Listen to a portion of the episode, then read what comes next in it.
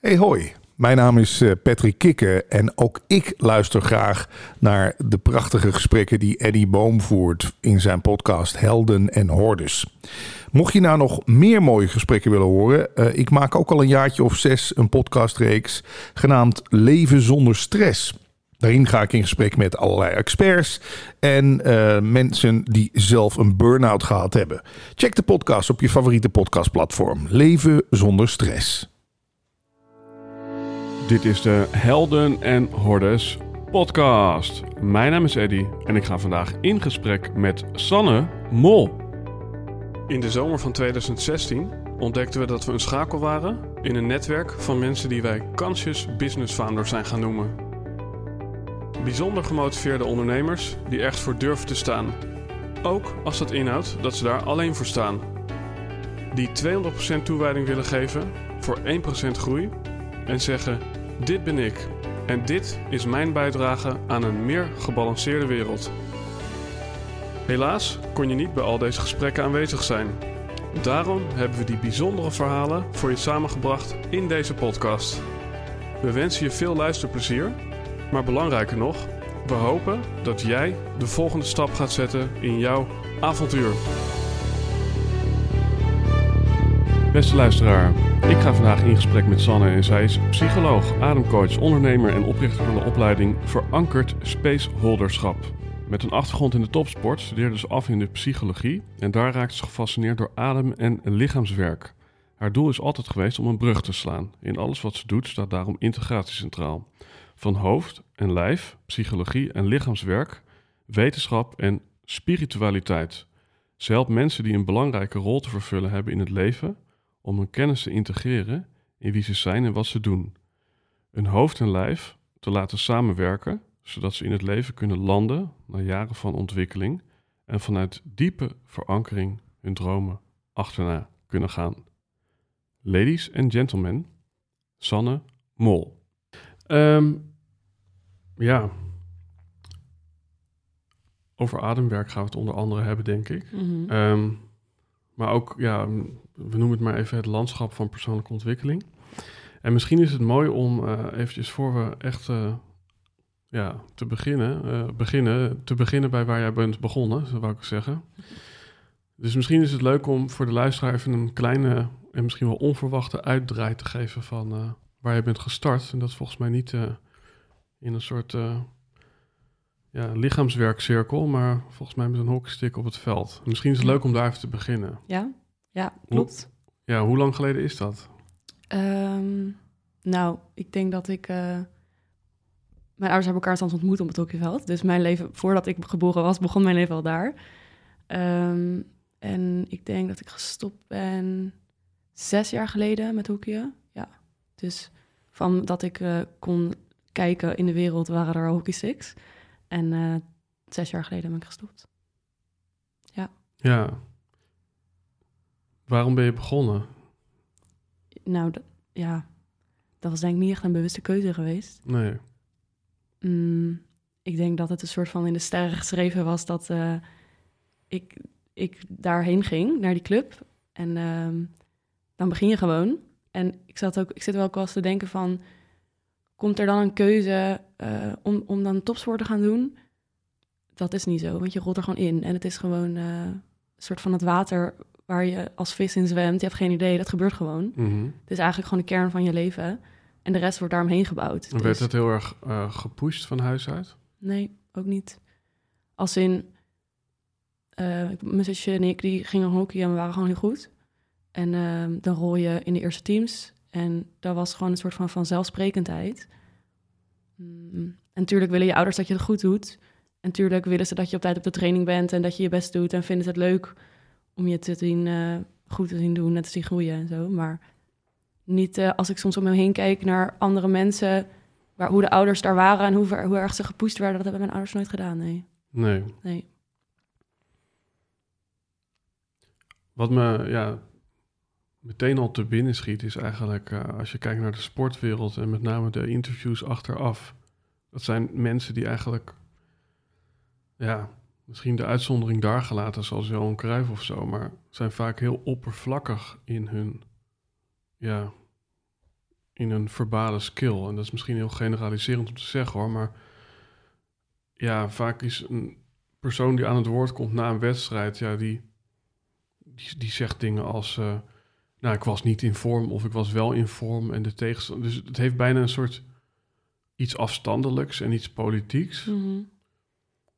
En wat, wat denk jij dat er, ja, hoe komt iemand dan ja, vanuit zo'n wereld in toch ja, een wereld van een soort van rijkelijk ja, woorden geven aan, aan spiritualiteit en psychologie? Ja.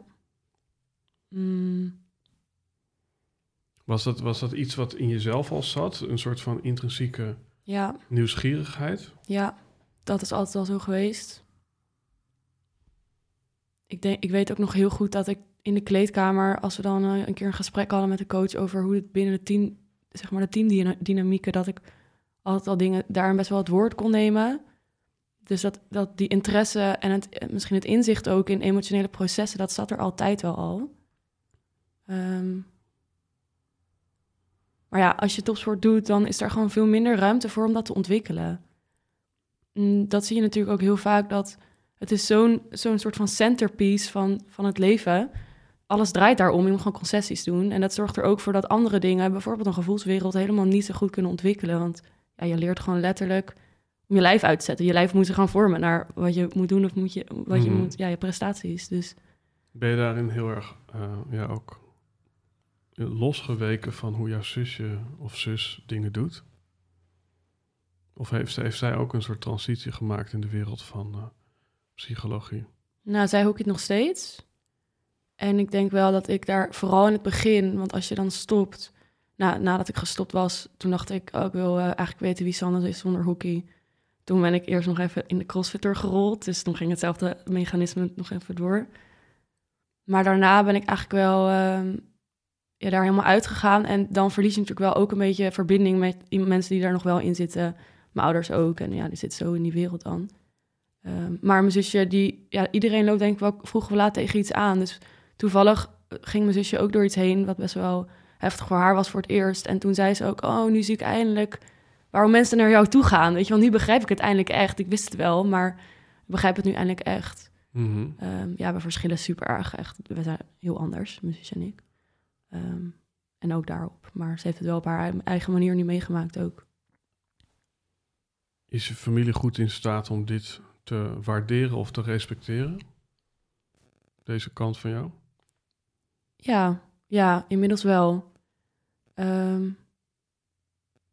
het, is, het is denk ik lastig om eh, als je zelf, als mijn ouders die zo in dat, eh, in dat hockeywereldje zaten en daar zo gewoon ge- geaard waren en al je vrienden daar waren een hele leven had en je kinderen daar ook zitten en dat je ene kind opeens een hele wereld ingaat waar je geen idee hebt wat het is.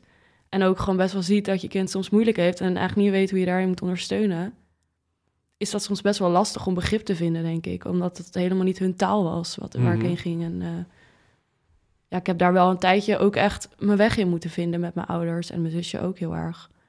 Mm, maar ik kan wel zeggen nu dat dat weer een soort van helemaal samen is gekomen. We waren laatst, voor, vorig jaar waren we voor het eerst in jaren weer met z'n vier op vakantie.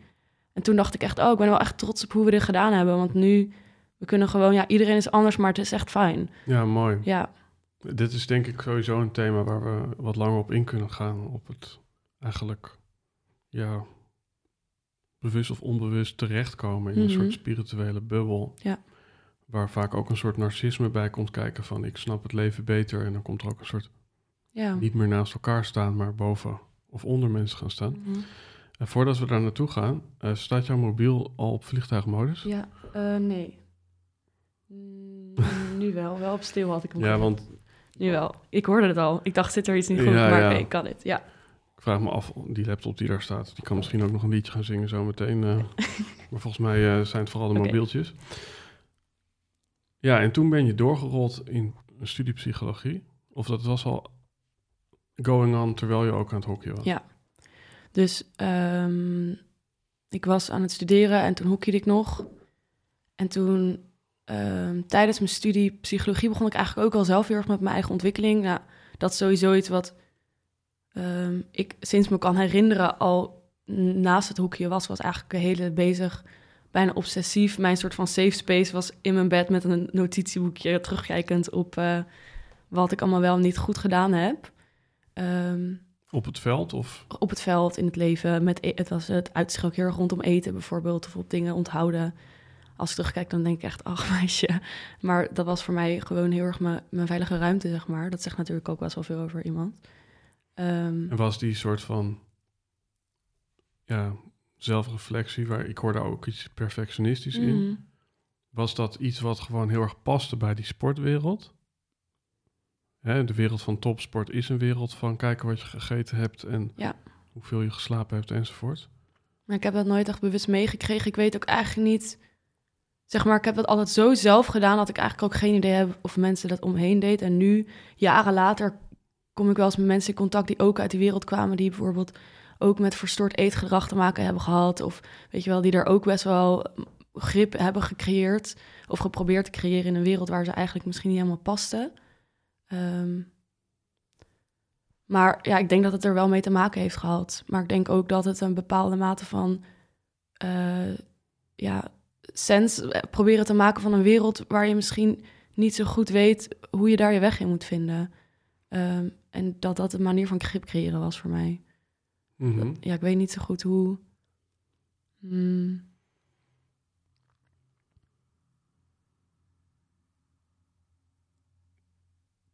Ja, in, die, in dat opzicht is natuurlijk, past het best wel goed bij. ehm, sluit het natuurlijk heel goed aan op de topsportwereld. Maar ik weet niet of het een effect was. Of topsport zeg maar een effect was van die binnenwereld. Dat ik daar zo goed paste. Of dat het andersom was. Als je begrijpt wat ik bedoel. Mhm. Eh, dat weet ik niet. Maar het sloot in ieder geval heel goed aan. Ik vond mezelf bijvoorbeeld ook niet perfectionistisch. Ik eh, vond mezelf te slordig om perfectionistisch te zijn. Ehm, en terwijl... Ja, Wat volgens mij een hele perfectionist ja, ja, zeker. Ik bedoel, dat is net zoals mensen die zeggen... ik ben niet efficiënt genoeg. Maar de mensen die überhaupt zich afvragen... ben ik Ja. wel efficiënt genoeg? Ja. Dat zijn mensen die efficiënter zijn dan de meeste mensen. Ja, klopt. Ja, klopt. Mijn lat lag over het algemeen gewoon veel hoger dan de andere mensen. Dat had ik helemaal niet door. En dacht dat mijn maatstaaf gewoon iedereen's maatstaaf was. Mhm. Dat denk je dan. Waarom lag die lat zo hoog? Of, ja... Hmm. Goeie vraag. Nou ja, dit is weer. Ik, ik denk dat. Er was een. ehm, er zat daar een meisje die heel slim was en heel gevoelig. En die niet zo goed, die om zich heen keek en eigenlijk niet zo goed wist hoe ze de wereld moest plaatsen. En ehm, als je daar hele liefdevolle, maar misschien niet altijd toereikende begeleiding eh, voor krijgt vanuit je ouders, dan ga je dat zelf proberen te doen. En dan creëer je een super sterk reflectievermogen. En ik denk dat je dan je intellect nog veel sterker ontwikkelt. Ehm, en dan leer je heel goed dingen zien van afstandje en optimaliseren. Dus ik denk dat de lat hoog leggen voor mij ook een soort veiligheid creëren was voor mezelf. Ehm, omdat ik mezelf dan ook op een plek zette waar ik op een afstandje kon kijken naar wat er nou ja, onder mij, of nou, laat niet niveaus, maar Mhm. wel, kon ik op een afstandje kijken naar wat er gebeurde. Ja, ik denk dat dat een grote reden was daarvan. Ja, want je zegt eigenlijk dat je de wereld niet helemaal begreep. Hmm. Wat was meer waar? Ik begrijp de wereld niet of ik begrijp mezelf niet. Want ik kan me voorstellen dat je in een dagboek vooral jezelf beter leert Mm. kennen. En niet zozeer de wereld. Ja. Nou, ik denk alle twee. Want ehm, als je een kind bent, dan weet je niet waar de grens ligt tussen jou en de wereld. En dat is denk ik de taak van je ouders, dat, je, ja, dat ze je leren duiden van, oh, dit is een emotie. Oh, oh ik zie dat je verdrietig bent. Of, ehm, en dat je leert wat jou is en wat de ander is. Mhm.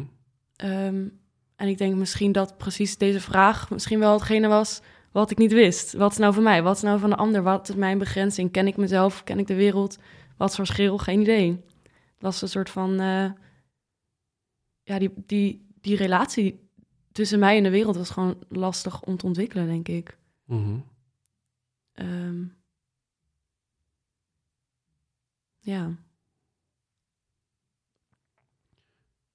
Ben jij iemand die, eh, hè, want die sportschool, eh, sportschool, wou ik zeggen, de, de sportwereld is ook een, nou ja, een andere generalisering of generalisatie die ik heb, is dat dat vaak mensen zijn die behoorlijk in het nu leven en ook allerlei ja, hormonen eh, aanmaken, veel lichaamsbeweging hebben. Dus het is ook best wel een, een vitale en positieve wereld, Mhm. volgens mij.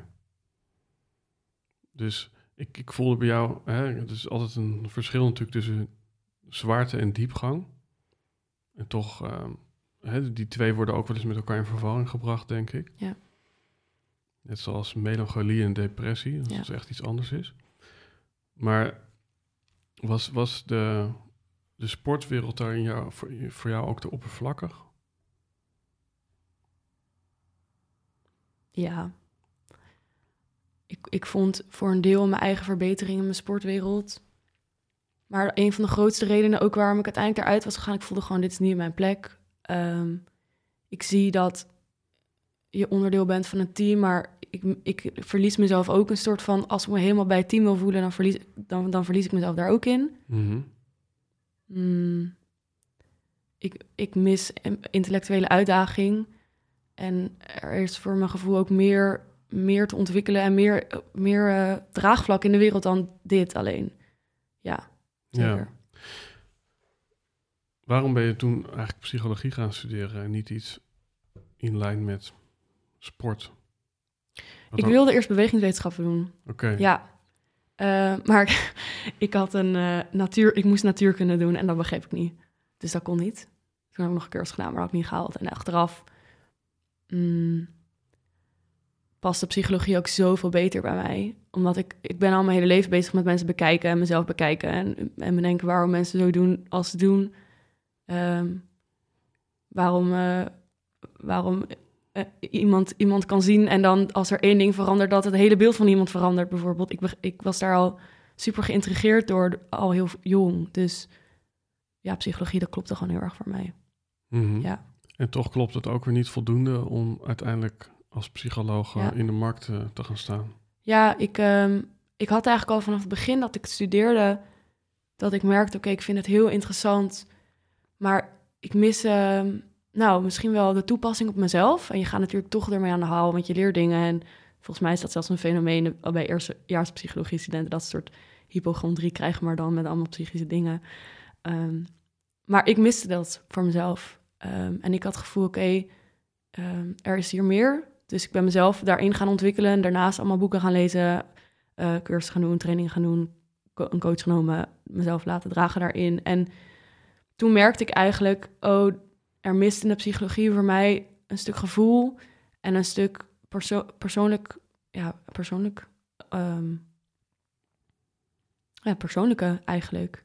Ehm, en ja, de studie psychologie zelf, vooral de eerste jaren, is, is ook heel erg eh, gewoon wetenschappelijk. Eh, heel erg een landschap maken met allemaal termen en zo. Ik miste daar gewoon een beetje mijn eigen diepgang in.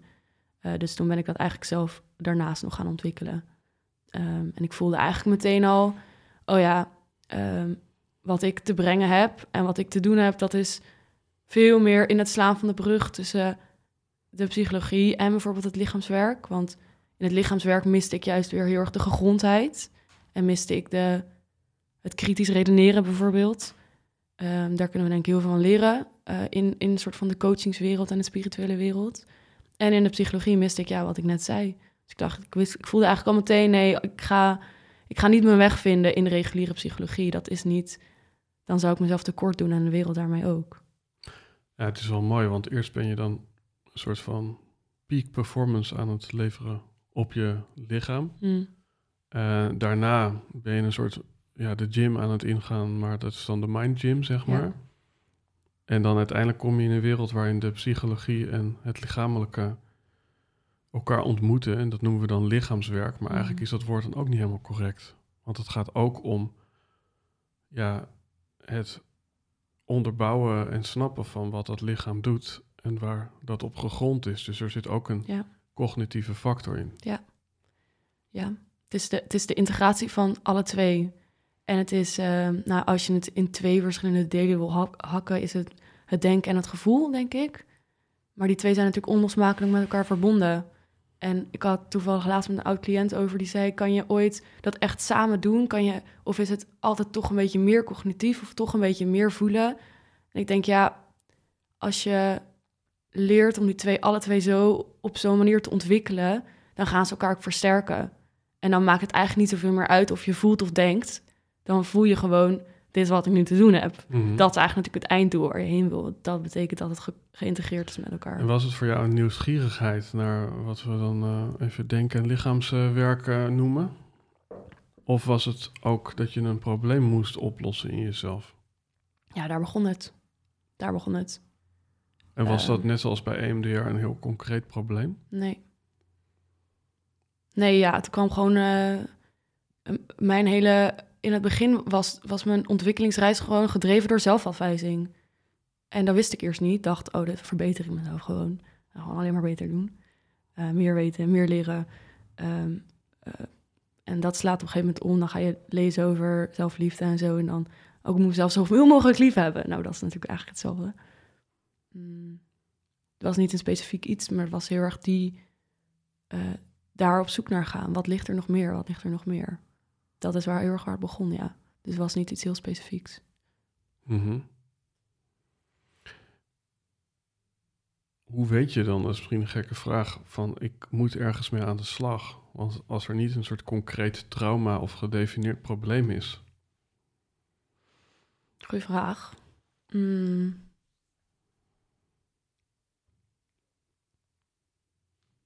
Nou, ik denk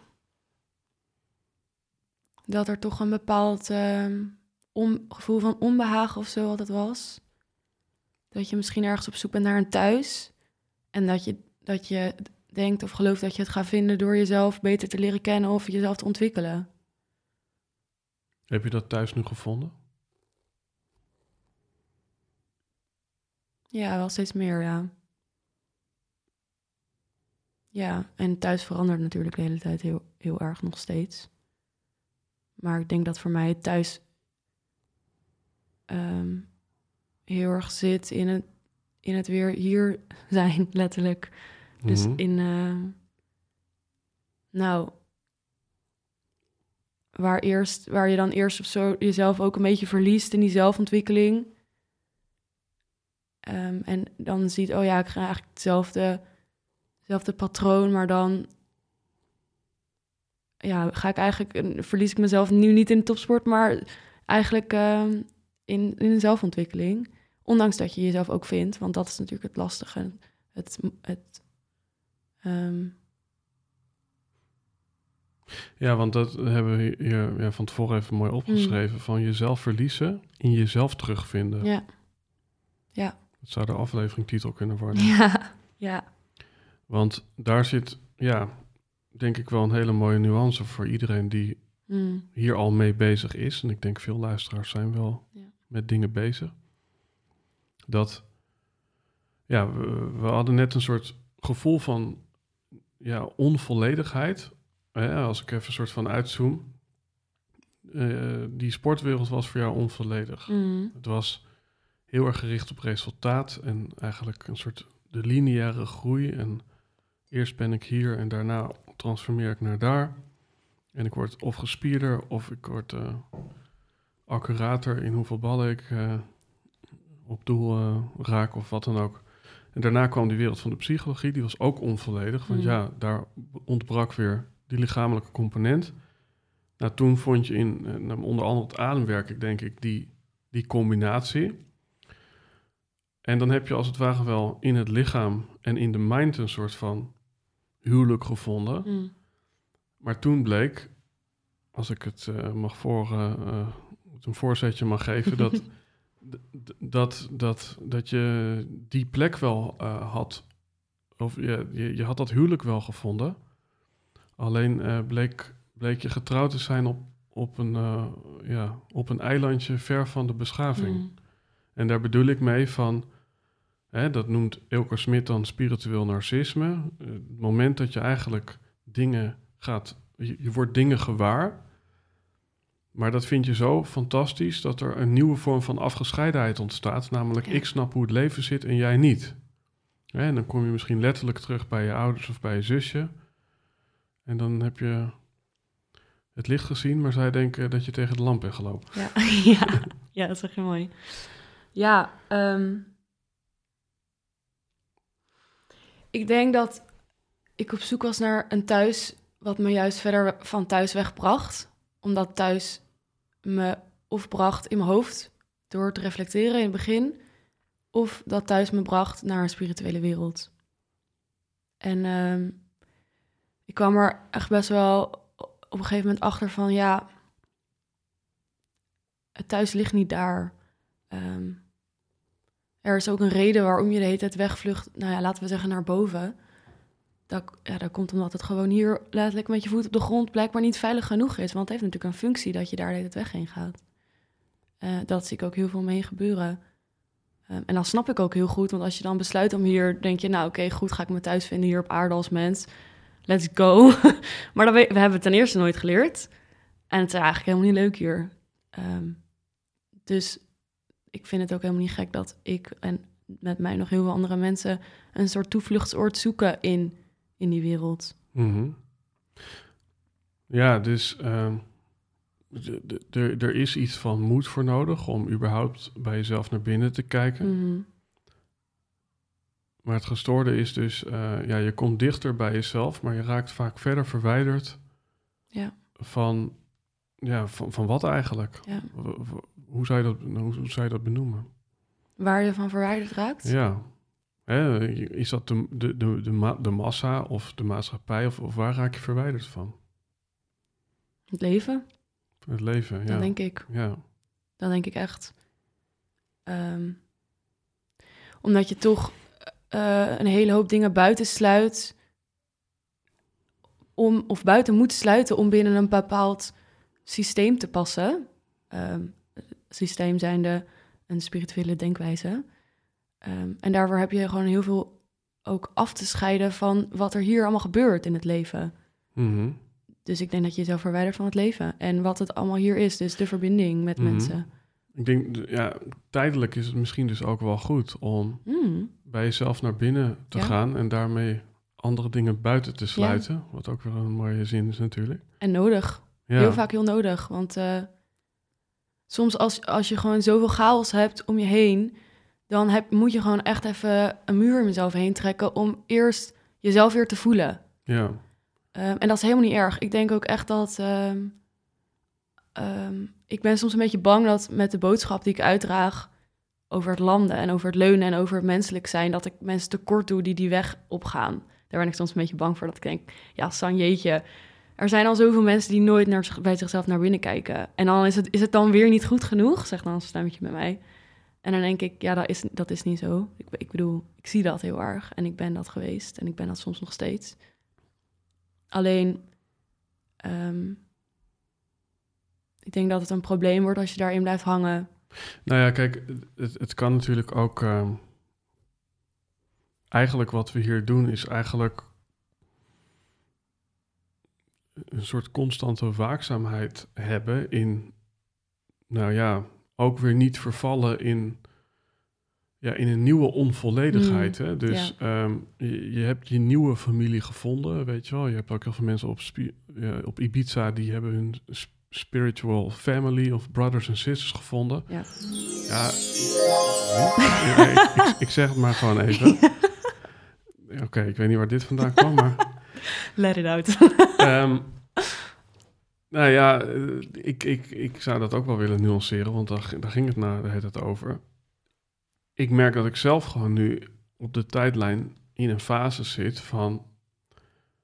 eh, zoals Paul Smit zo mooi zegt, van... Eerst waren er bergen en rivieren. Toen was alles energie. En toen waren er weer bergen en rivieren. ja. En ik denk dat het heel mooi is om ofwel metaforisch bij jezelf naar binnen te gaan, of eventjes juist uit te zoomen en even je boekje te buiten te gaan, maar wel ja, uiteindelijk niet uit het oog verliest dat het doel was, wat jij zo mooi zegt, leven. Ja. En die mensen die, ja, die, die creëren eigenlijk ook een hele kwetsbare plek, denk ik dan. Want ja, als je alleen maar met die brothers en sisters daar gelukkig kan zijn, Ja. Dan wordt het ook heel voorwaardelijk om Ja, het goede leven te leiden. zeker. En eh, dit is dus denk ik even mijn persoonlijk proces. Dus, eh, nee, maar ik, ik denk op dit moment meen ik het wel, omdat eh, voor je het weet ben je dus weer bezig met het tegenovergestelde van, Ja. van waar het nou eigenlijk om ging. Ja. Ja, zeker. En ehm, ehm, ik zie dat en ik snap dat. En tegelijkertijd vind ik het heel lastig ehm, als er dan een bepaalde verhevenheid ontstaat. En een, bepaald, een bepaalde leefwijze gepredikt wordt op mensen. En hoe harder daarvoor geschreeuwd wordt, hoe meer denk ik de verharding binnen iemand zelf natuurlijk soort van Mhm. laat zien. Dat vind ik moeilijk om te zien omdat ik ook het effect heb gezien van wat het met mijn cliënten doet, bijvoorbeeld. Wat het ook met mij heeft gedaan. Ik ben daar ook gevoelig voor. Ehm, inmiddels wat minder, maar soms nog steeds. Het gaat toch vaak onder je huid zitten. Ja. Maar ik zie gewoon wat het met mensen doet. Ehm, dan creëert het alleen maar meer. Dan creëert soort van. Dat je iemand binnen jouw soul family probeert te houden, halen. Creëert alleen maar. Misschien mag iemand er dan wel bij, maar het creëert alleen maar meer afgescheidenheid binnen in die persoon. ja. Ehm, ik eh, had, het, ik had eh, een gesprek met iemand laatst over.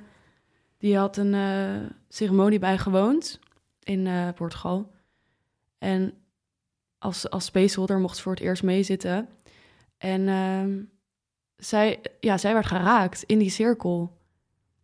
En, en ze wist niet wat ze ermee moest. Ehm, en, en ze vroeg eigenlijk een beetje guidance aan die mensen die dat gaven. En er werd haar verteld ehm, dat het maar een verhaal was. Ja, en, en zij voelde zich daardoor alleen maar heel slecht, ja. omdat ze dat wel voelde en ze was er echt door geraakt. En ze wist niet hoe ze daarmee om moest gaan. Dus ze wist eigenlijk helemaal niet hoe. Ja, er is ook een menselijk deel. Ja, ik ben een spaceholder. Ja, ik, het gaat hier om de ander. Maar wat als ik geraakt word? Kan ik niet zeggen. eh, ja, het is maar een verhaal, want ik zit er nog steeds mee. En als ik dat doe van, doe van mezelf en ik moet van mezelf zeggen dat het een verhaal is, dat betekent dus eigenlijk dat er een deel van mij is wat hier niet welkom is en wat slecht is. En ik doe het dus eigenlijk slecht en ik ben dus eigenlijk slecht mens, slechte spaceholder, om er maar even helemaal door te trekken. Mhm.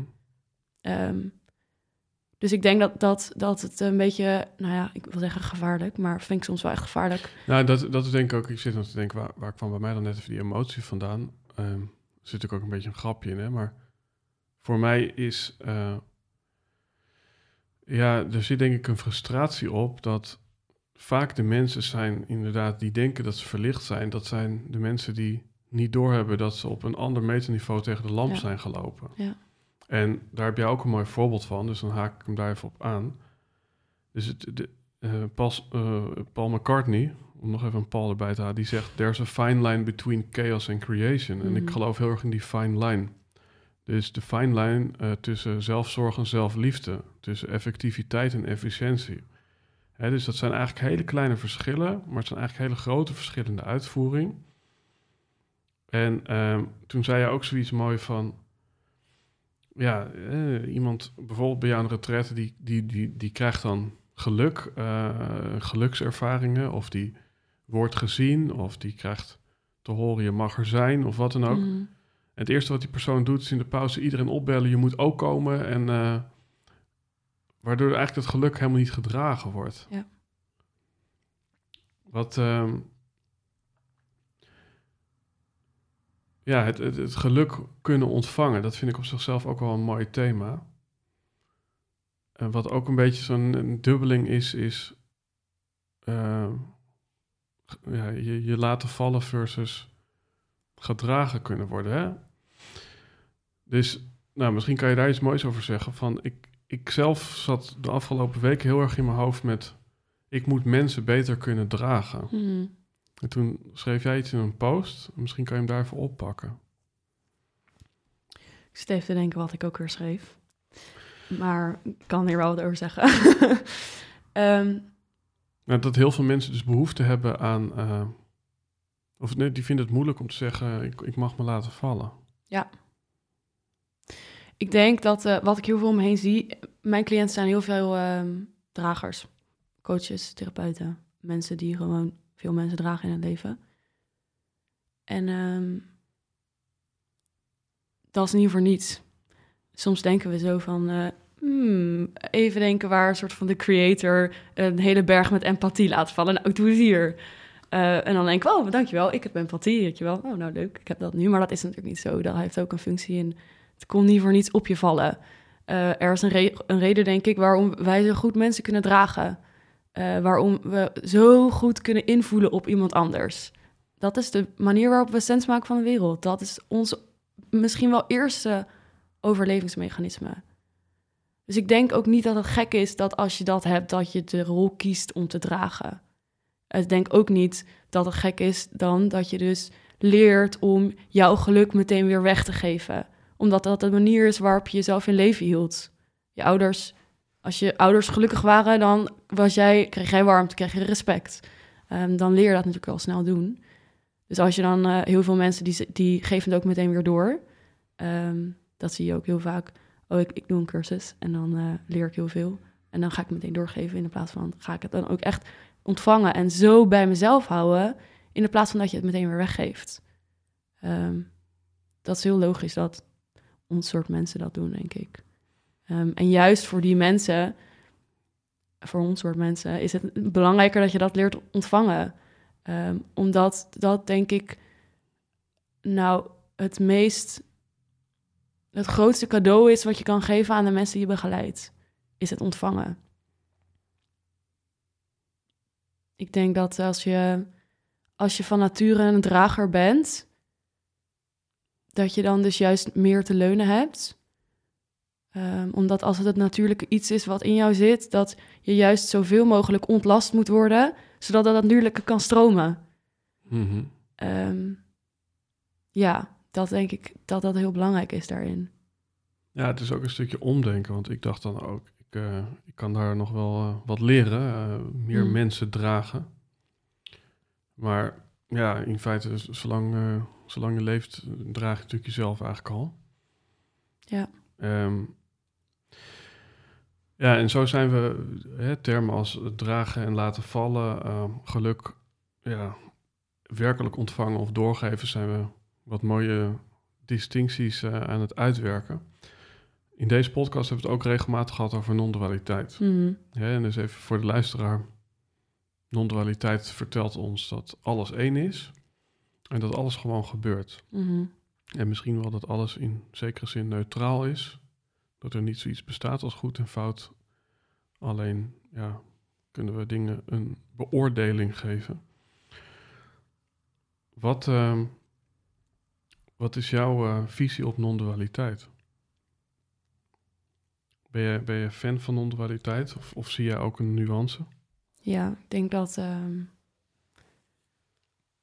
ik, ik denk dat non-dualiteit je enorm veel kan brengen. Dat het misschien heel, nou, ik mag zeggen dat, ik een, dat het een goede tool is om dat, om dat te kunnen beheer, beheersen. Beoefen je non-dualiteit? Is dat iets wat je beoefent? Ja, het is, het is volgens mij een. Uh, ja, dan is het meer non-dualisme, maar het is, het is een geloofsovertuiging in ja, zekere zin. Ja, ja. Ik mis de menselijkheid erin. Ik denk dat um, het heel logisch is dat mensen grijpen naar non-dualiteit.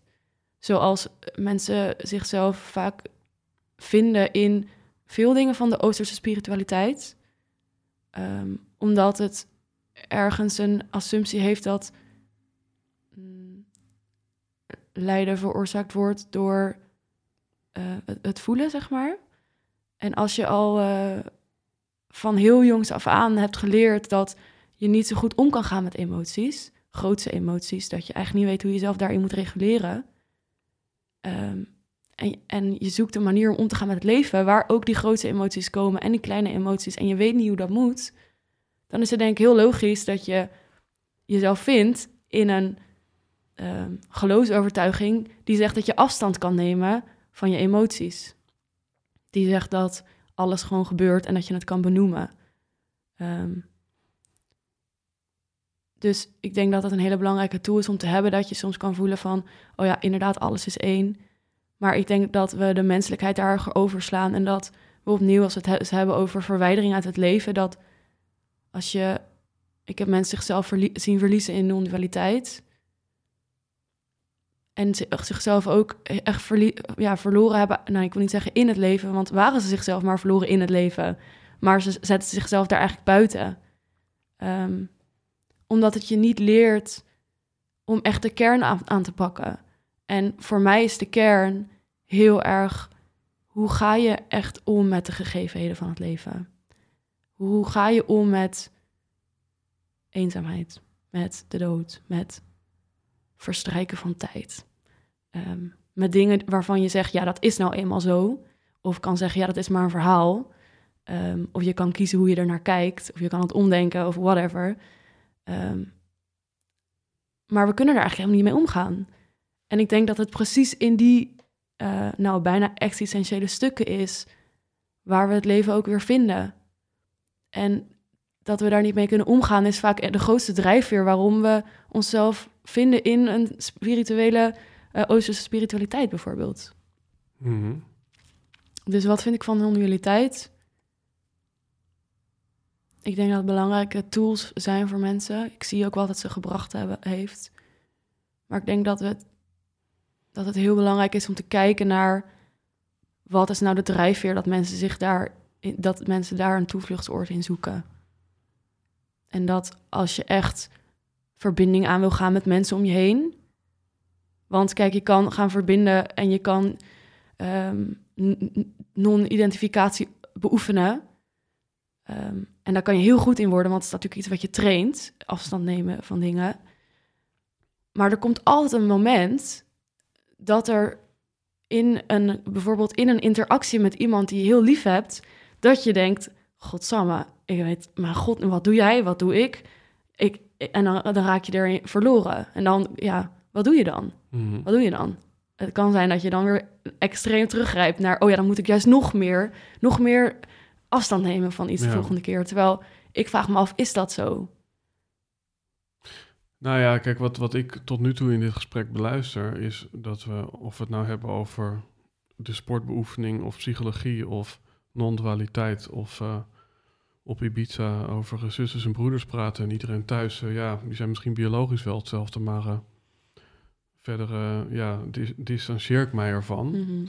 Het is allemaal volgens mij, wat ik zie, is het niet werkelijk of niet volledig willen aangaan van iets. Ja. En dat is denk ik ja, de intelligentie uit deze dialoog, wat, ja, wa- wat ook weer een beetje cocky klinkt of zo, maar dat heel vaak doet iets zich voor in een bepaalde gedaante die maatschappelijk is goedgekeurd of waarin je jezelf kunt vertellen, ik heb vandaag aan mezelf gewerkt. Mm. Maar ja, voor je het weet zit je toch weer de dans te ontspringen. Ja. En ehm, Maar ja, en ehm, het is zo moeilijk om dingen aan te gaan. Dat is zo moeilijk. Ik snap zo goed. ehm, als je het hebt over spiritual bypassing, dat is letterlijk het voorbijgaan aan dingen en het hangen aan het haakje van spiritualiteit. Ik snap dat.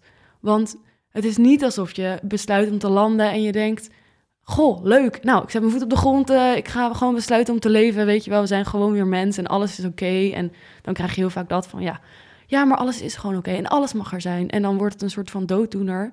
Maar het is echt niet leuk hoor om mensen te zijn altijd. Want er zitten gevoelens bij die verscheurend voelen. Of die waarvan je denkt, oké, ik kan of heel verdrietig zijn... of ik kan me heel goed voelen, maar daartussenin voelt dat eigenlijk gewoon vreselijk. Ja, ik snap dat wel.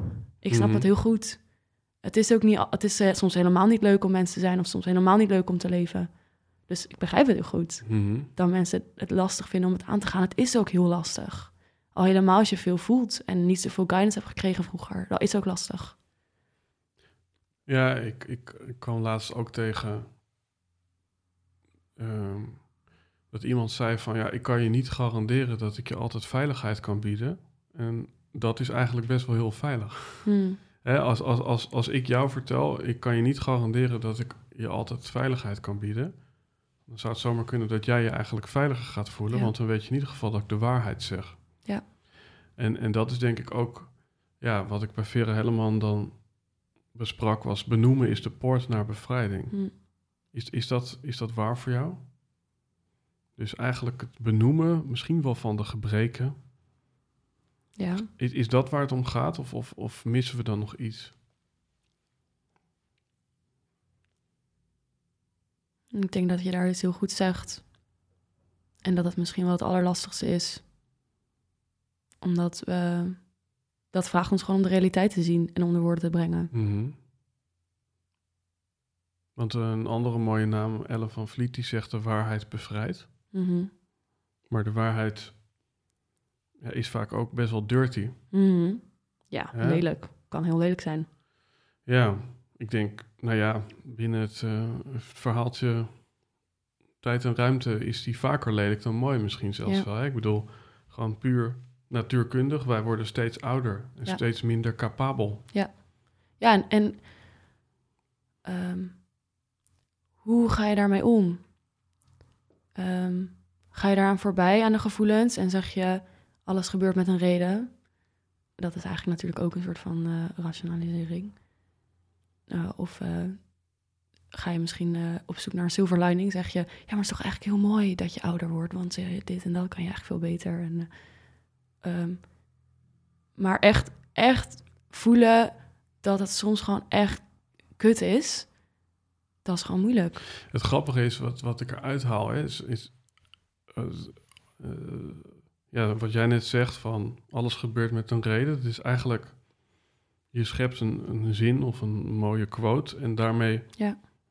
kun je op een gegeven moment een strikje omheen doen en dan zet je hem in de kast en is hij weg. Ja. Dus het is allemaal het conceptualiseren, consolideren of materialiseren van, van dat wat er ervaren wordt. En zodra het ja, dus in een soort van afgescheiden entiteit is eh, geplaatst, namelijk in, in een mooie quote of in, Nou, dan kunnen we het duiden. ja, en dan kunnen we het ook aanwijzen. Ja. Dan- En je kan alleen iets aanwijzen als je het zelf niet bent. Ja. Met andere woorden, je hebt jezelf ervan losgeplaatst. En dat is natuurlijk eigenlijk wat we de hele tijd doen. Hè? Ja, precies dat. Ja. ja. En dat snap ik dus heel goed. Want Ja. het is, ja, dat is precies. Ik zie, als ik dit zeg, dan zie ik gewoon mezelf als klein meisje zitten in mijn slaapkamer. En denken van ja, hoe ga ik om met de chaos dat het leven is? Geen idee. En was dat schrijven dan ook van je afschrijven in dat, Ja, dag, in dat dagboek? Ja.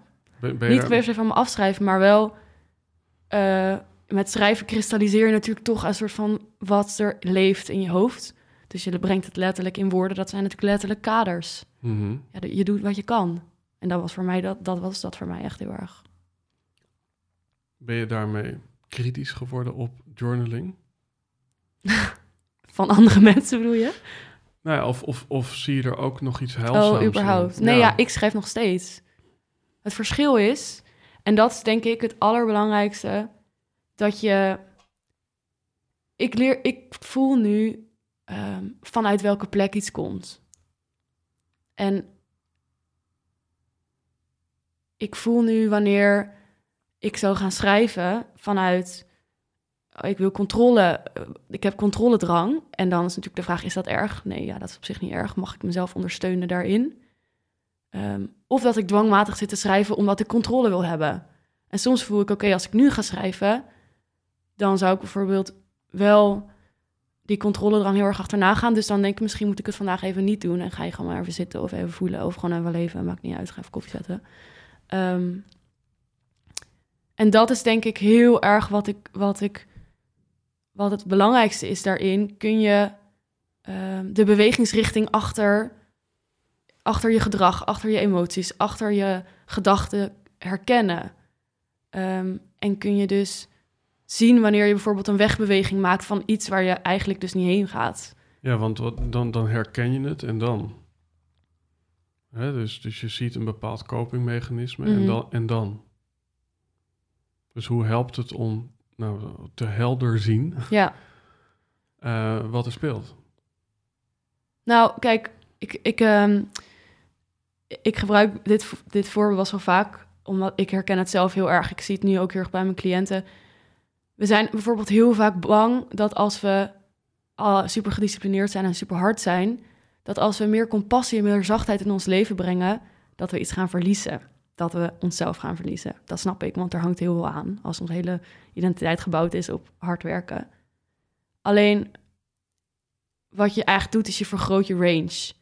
Dus in de plaats van dat jij eigenlijk geleid wordt door je hardheid, door de patronen, ehm, als je herkent dat het patroon er is en dus echt kunt gaan voelen waarom dat zo is, en echt kunt gaan voelen waar je eigenlijk van wegbeweegt, ehm, en je, je, bent, je, je leert om daarin te zitten en daar te blijven, als bijvoorbeeld weer zo'n impuls komt van, oh nu moet ik, nu moet ik, maar dat je dan kunt ademen en kunt gronden en kun, je voeten kunt voelen en voelen, nee wacht, oh het is oké, weet je wel, ik mag hier blijven.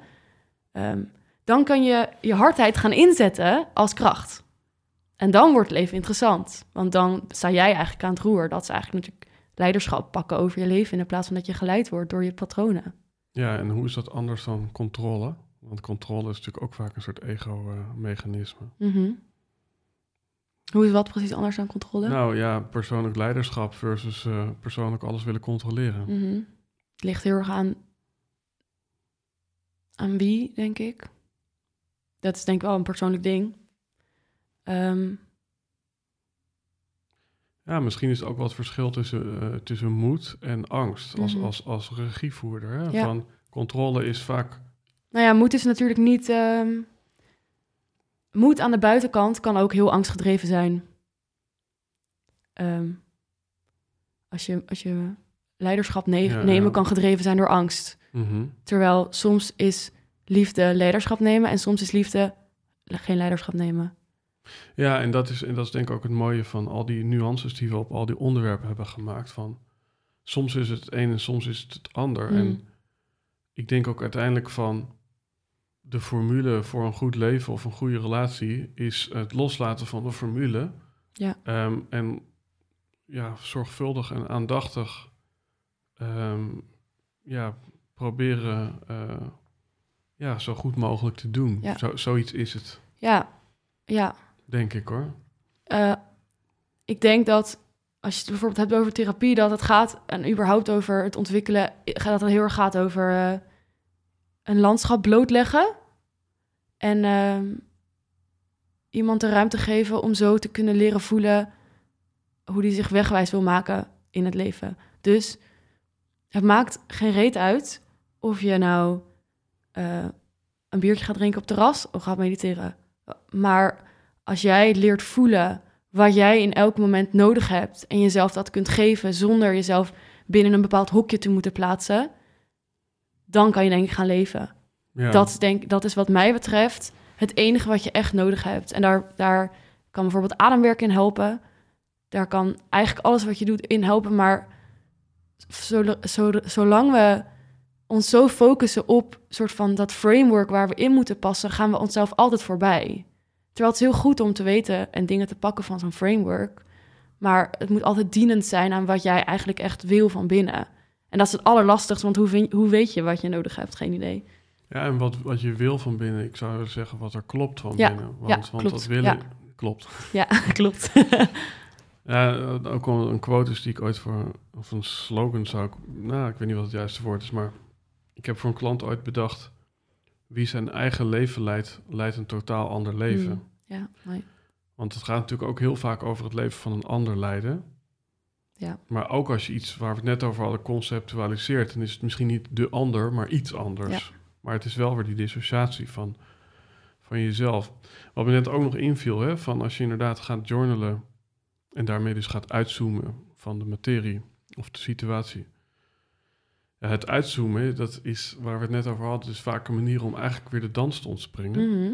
Maar waar we het net over hadden, is dat uitzoomen om eigenlijk te zien wat er gebeurt, zodat je er de volgende keer bij kunt blijven. Dus het uitzoomen waar jij het over hebt, is volgens mij het uitzoomen zodat je eigenlijk juist beter kunt erbij kunt blijven. Mm. Dus ja, dan is zo'n dagboek misschien goed, weet je van je zoomt uit of uh, je neemt er afstand van, zodat je de volgende keer dichterbij kunt Ja. blijven. Ja, en dat kan heel goed zijn. Ja. Ehm, het, maakt me, het, ma- het maakt natuurlijk eigenlijk niet uit of je gaat journalen of niet, of wat iets goeds is of niet. Mhm. Zolang je maar een manier vindt om, eh, ja, om die veiligheid te creëren om dingen te doen. Om dat, dat anker in jezelf te creëren. Ehm, ik wilde net wat over zeggen. Ik zit even te denken wat het ook weer was.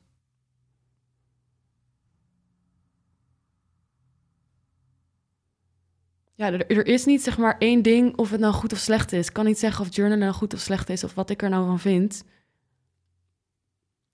Mm. Het gaat erom.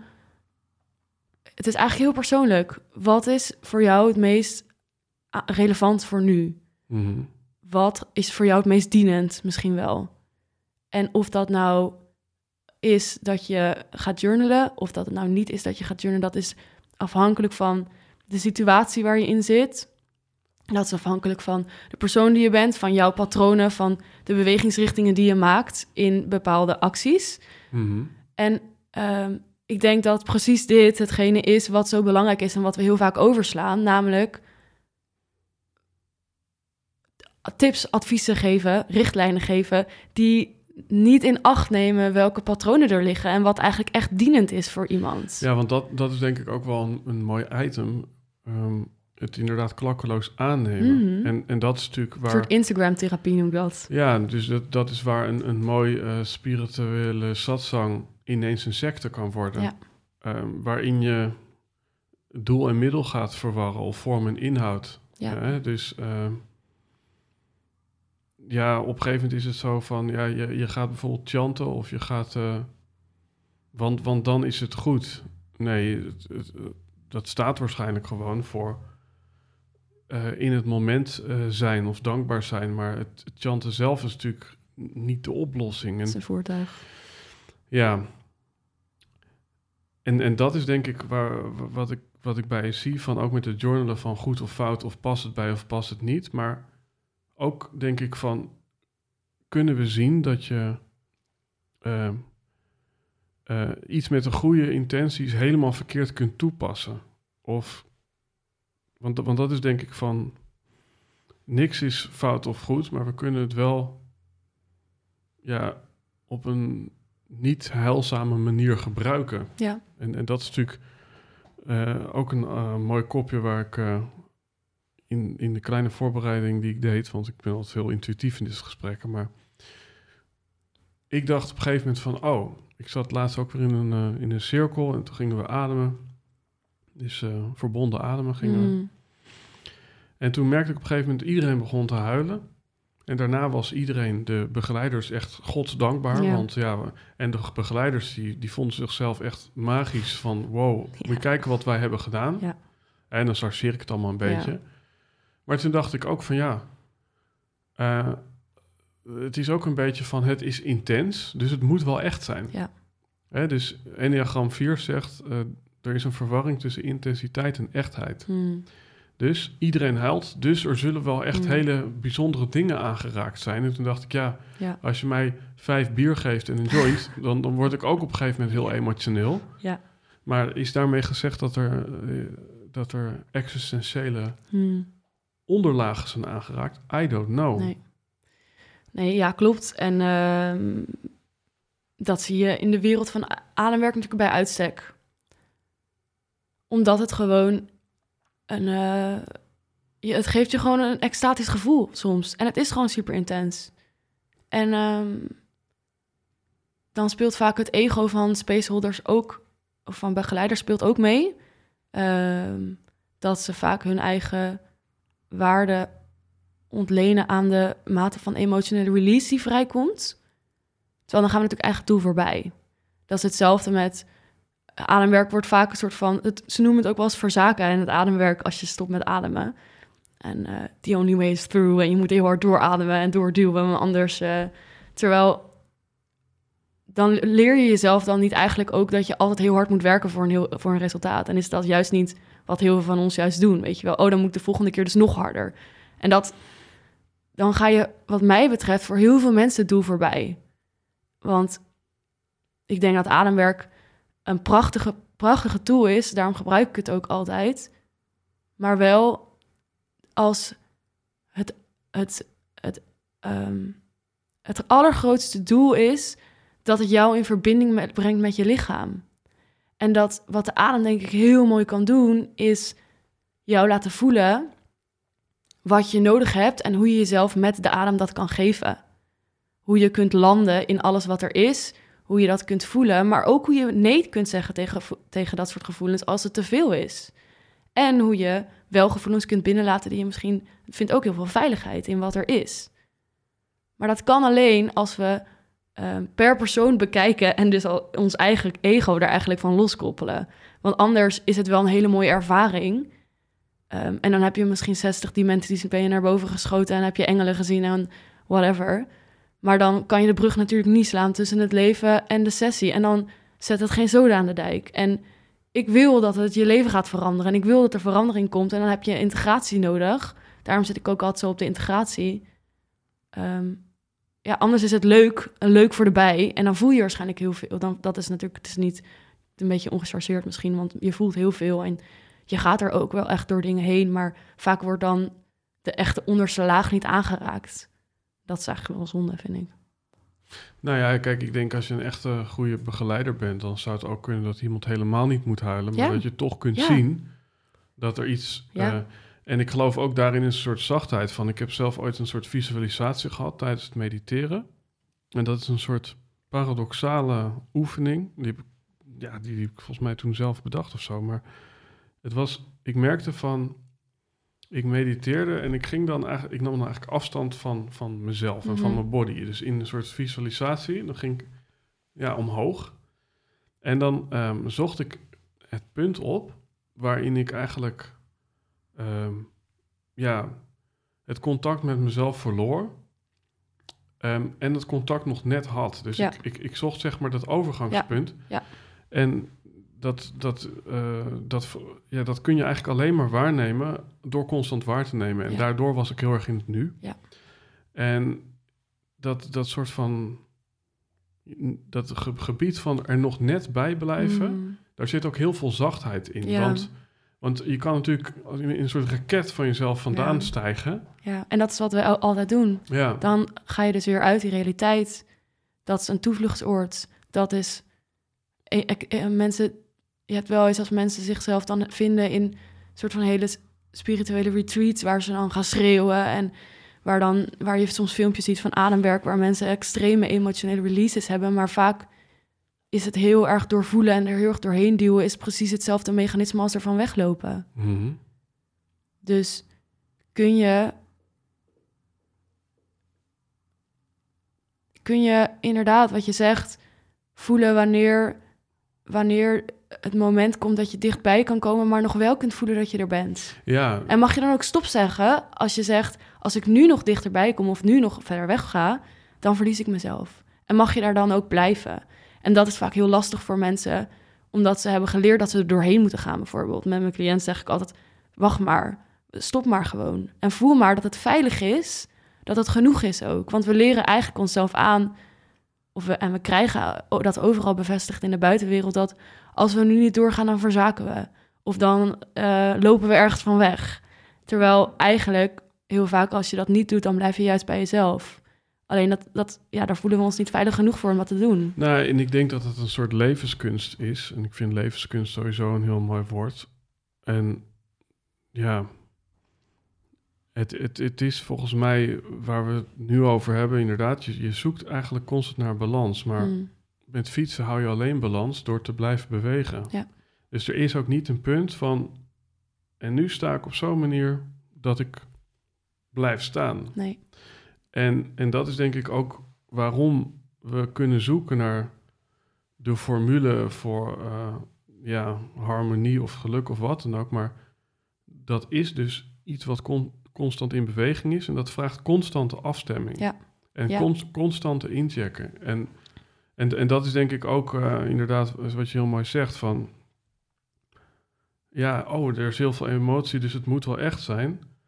Of oh, er is geen emotie, dus het is mislukt. Maar ik heb zelf nee. een vrouw, ja, die heet José, en die, die, die zegt: Wauw, we hebben echt. Uh, voelde je dat? We, we, zaten, mm. we, zaten, we, zaten, we kwamen er heel snel in.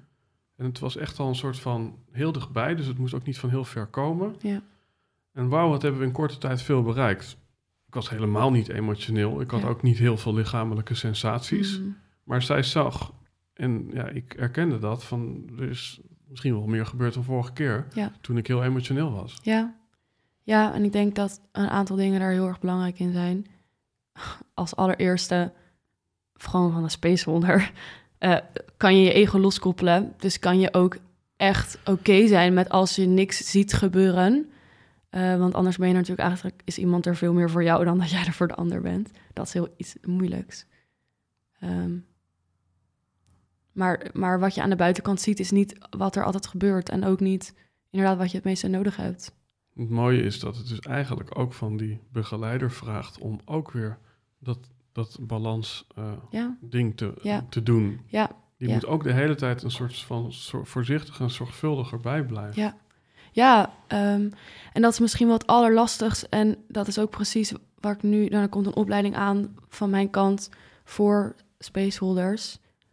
Omdat het gewoon heel lastig is om te voelen... We kunnen heel goed iets. We kunnen heel goed mensen dragen. We kunnen mensen heel goed helpen. Maar eh, het is heel lastig om eigenlijk constant met onszelf in te checken... Ehm, en op een manier te doen dat we wel onze menselijkheid meenemen, maar ook professioneel blijven en voor de ander. Die scheidingslijn is vaak heel moeilijk. Mhm. Ehm, en ja, hoe maak je, maak je daar wegwijs in? Dat is eigenlijk heel lastig als spaceholder, maar dat is eigenlijk iets wat, we, wat ik om me heen zie, wat heel veel mensen eigenlijk niet weten. Dus meer echte therapeutische tools in een wereld van, in een landschap van hele goede coaches. Ik denk dat we daardoor, ja, dat, je daardoor nog veel meer voor iemand anders er kan zijn dan dat we nu heel vaak doen. En dus ook veel meer los van de, hoe het er aan de buitenkant uitzien en veel meer kunnen gaan werken en kunnen de mensen die we voor ons hebben kunnen gaan helpen naar wat ze echt nodig hebben en wat voor hen echt dienend is. Mhm. Als we het hebben over dat doorslaan naar de andere kant, hè, Mhm. dus in extreme emoties of in er gebeurt niks, weet je wel. Dus dat is ook wat we de hele tijd in dit gesprek zien. Van je hebt de ene entiteit en de ander. En eerst was het zo en nu is het zo. Maar eigenlijk is het omgekeerd weer hetzelfde. Want nu Ja. heb ik een nieuwe familie en steek ik opnieuw mijn middelvinger op Ja. naar iedereen die anders is. En dan hebben we eigenlijk binnen dat thema hebben we ook nog de language, noem ik het maar Mm. even, van, van lichtwerkers. Ja. Ja, volgens mij hebben we daar allebei een aardige mening over, wat ook niet echt heel non-duaal is, maar We hebben net gezegd dat ik heb, wel- ik heb wel gezegd wat ik van non-dualiteit vind. Dus ik mag Mhm. dingen doen die niet non-duaal zijn. Ja, dus, dus ja, wat, wat heb je daarin gezien? Hè? Dus op een gegeven moment zijn er letterlijk woorden, maar ook manieren van aanwezig zijn, met misschien een bepaald geluid erbij, in, in communicatie van mensen die al heel lang bezig zijn met lichaamswerk. Ja. Wat, wat, wat, eh, wat heb je daar gezien?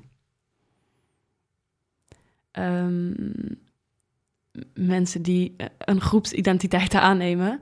Ehm, en daar hoort taal bij. Daar hoort, eh, het is een heel menselijk proces, vanuit de psychologie ook. Ja, dat is gewoon, we zoeken gewoon een thuis, we zijn gewoon sociale mensen. En wij gebruiken woorden en we gaan dingen doen en we gaan onszelf ook heel veel dingen ontnemen, zodat we bij die groep horen. Ehm, nou, ik vertelde net al dat ik een keer eh, op een retreat was waar ik koffie kwam brengen. Nou, dat mag natuurlijk eigenlijk al niet, want het moet eigenlijk thee zijn. Ehm, en ik liet wat vallen en ik zei, godver, of ik, ik weet niet, ik, ik schold. En toen, en toen ik sloeg meteen mijn handen voor mijn mond. Ik dacht, oh my god, ik heb gescholden. Dat, dat, dat kan niet. Ehm, dat zegt natuurlijk eigenlijk heel veel over... Iedereen keek ook om en ik deed echt, oh, wat zei ze nou? En dan denk ik, ja. Terwijl ik, weet, ik voel altijd heel erg... ehm, ik voel altijd heel erg of iets bij iemand echt iemand zui- zuiver is of niet. Dus als iemand het doet om er ergens bij te horen of... ehm, of, of het gewoon iets, iets is wat er opgeplakt is. Of dat het echt vanuit jezelf komt. En soms zou ik heel graag willen dat ik dat ook zou kunnen doen. Dat ik mezelf dus zou kunnen verliezen in een team of in zo'n ding. En de, want dan hoor je er tenminste echt bij. Mhm. Mm, dus ik, ik ben daar heel gevoelig voor. En ik merk dus ook heel erg dat als ik mezelf daarin probeer te passen... dat ik dus ook een soort van eh, zinloosheid voel. Omdat ik gewoon een heel stuk van mezelf afscheid. Mhm. Ehm, eh, maar wat ook dus heel vaak zorgt dat ik me soms een bulldozer voel in de wereld van yoga of in de wereld van spiritualiteit. Want ik, kan hele, ik maak de grofste grappen vaak van iedereen. Ik heb, niet, ik heb soms best wel lompe humor. Ik scheld best wel veel. En, mensen, en ik maak best wel grapjes. En, en dat zijn mensen vaak niet gewend. Dus dan ja, mag, mag dat dan? Dat was eerst heel erg het stuk. Maar oh, mag dat dan? Mag dat dan? Ja. Um, een retweet ook, toen ik je gaf, dacht ik echt... Mijn allergrootste, mijn allergrootste struikelblok was echt dat ik dacht...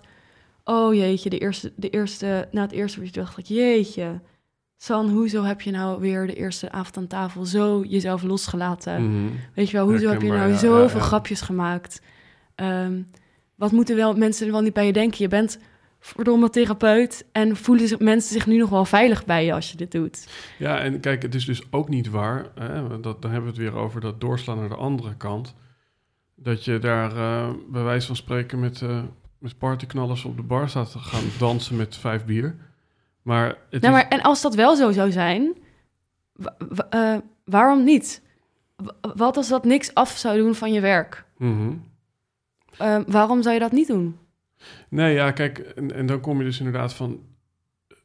ehm, uiteindelijk gaat het denk ik opnieuw om, eh, zie je dat het gebeurt? Mm. En ehm,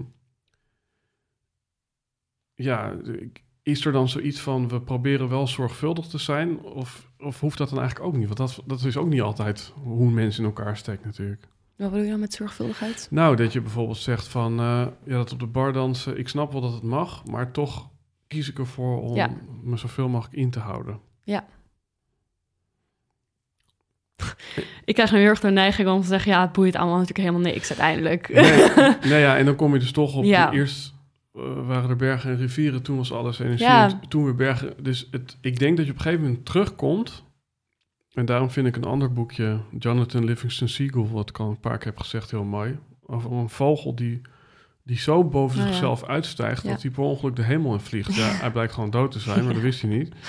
Maar die komt dan wel terug met een soort lessons learned van, van ouderlijk vaders of zo. En, die- en dat geeft hij dan door aan de commune. En ik denk dat...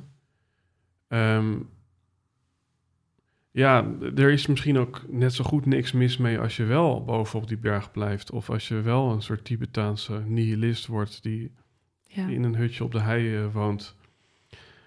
Alleen er komen al zo snel gedragscodes en maniertjes eh, Ja. van hoe het heurt. En Ja.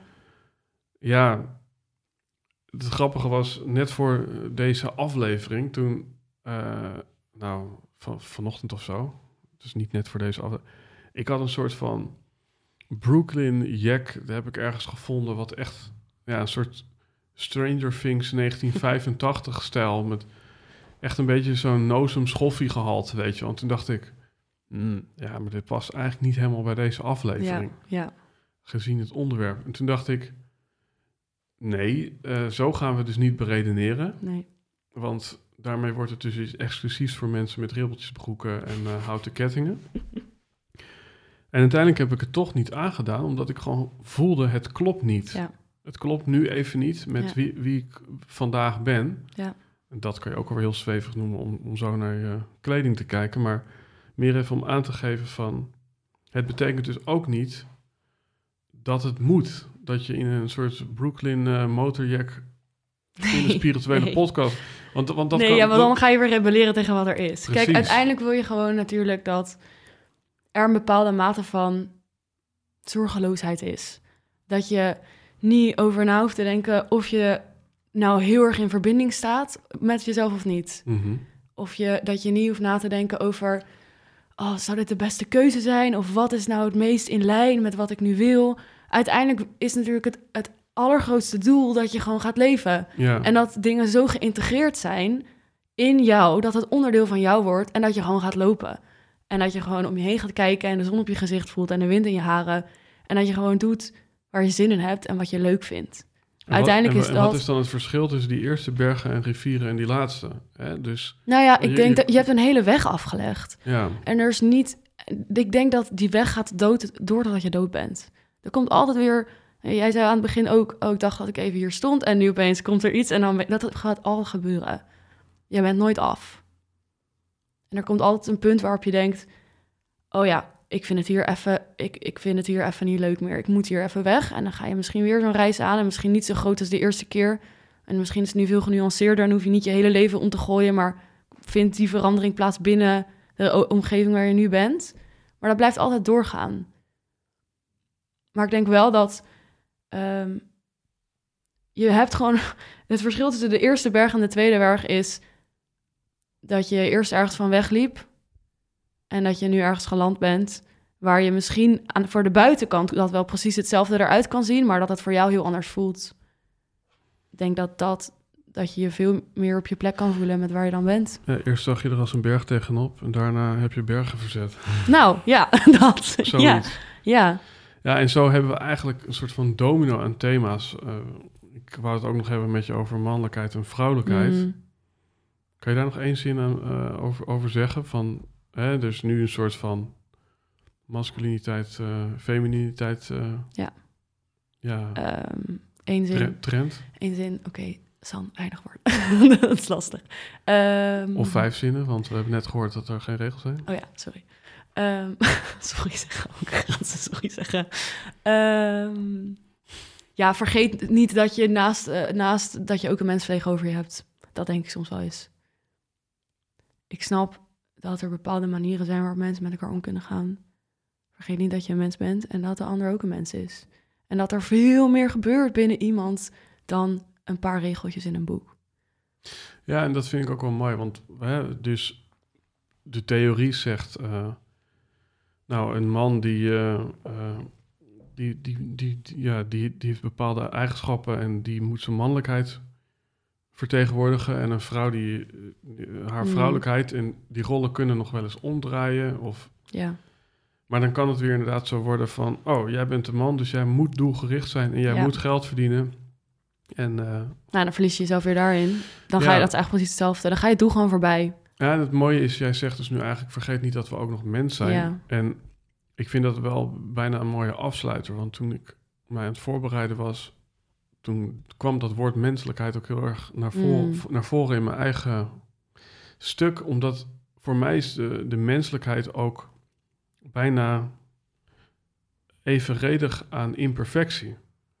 En mocht het allemaal perfect zijn, dan kun je nog afvragen of er nog wel mensen bestaan. Hè? Want Ja. dan is er waarschijnlijk één type mens die het meest vitaal, gezond, evenwichtig is. Maar volgens mij is juist de imperfectie de, de plek waarin we elkaar als mens kunnen ontmoeten. Ja, zeker. En ehm, ja, meer leven en meer mensen. Ja, dat is denk ik heel hard nodig. En eh, Meer menselijkheid, ja. ja, en dat zorgt ook denk ik voor eh, een hele hoop meer eh, verbinding in de wereld. En met jezelf en met lieve mensen om je heen. En dat is denk ik uiteindelijk toch waar het om gaat. Amen. Ja.